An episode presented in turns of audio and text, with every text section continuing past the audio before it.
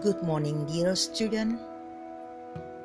Today, Miss Elita will tell you story with the title Boy Who Cried Wolf's Story.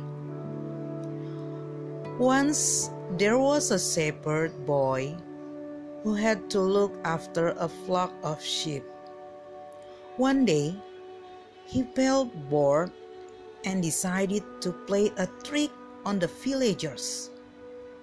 He shouted, Help! Wolf! Wolf! The villagers heard his cries and rushed out of the village to help the shepherd boy. When they reached him, they asked, Where is the wolf? The shepherd boy laughed loudly. I fooled all of you.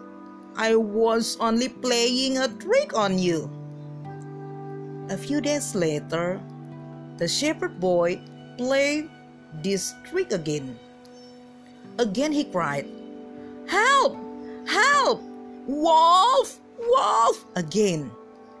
The villagers rushed up the hill to help him, and again they found that the boy had tricked them. They were very angry with him for being so naughty. Then, some time later, a wolf went into the field. The wolf attacked one sheep, and then another and another.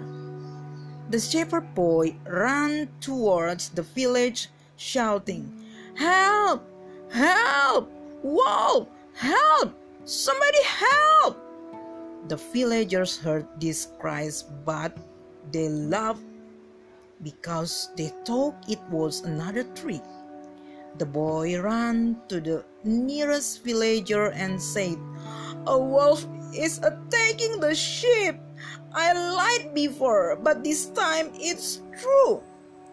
Finally, the villagers went to look. It was true.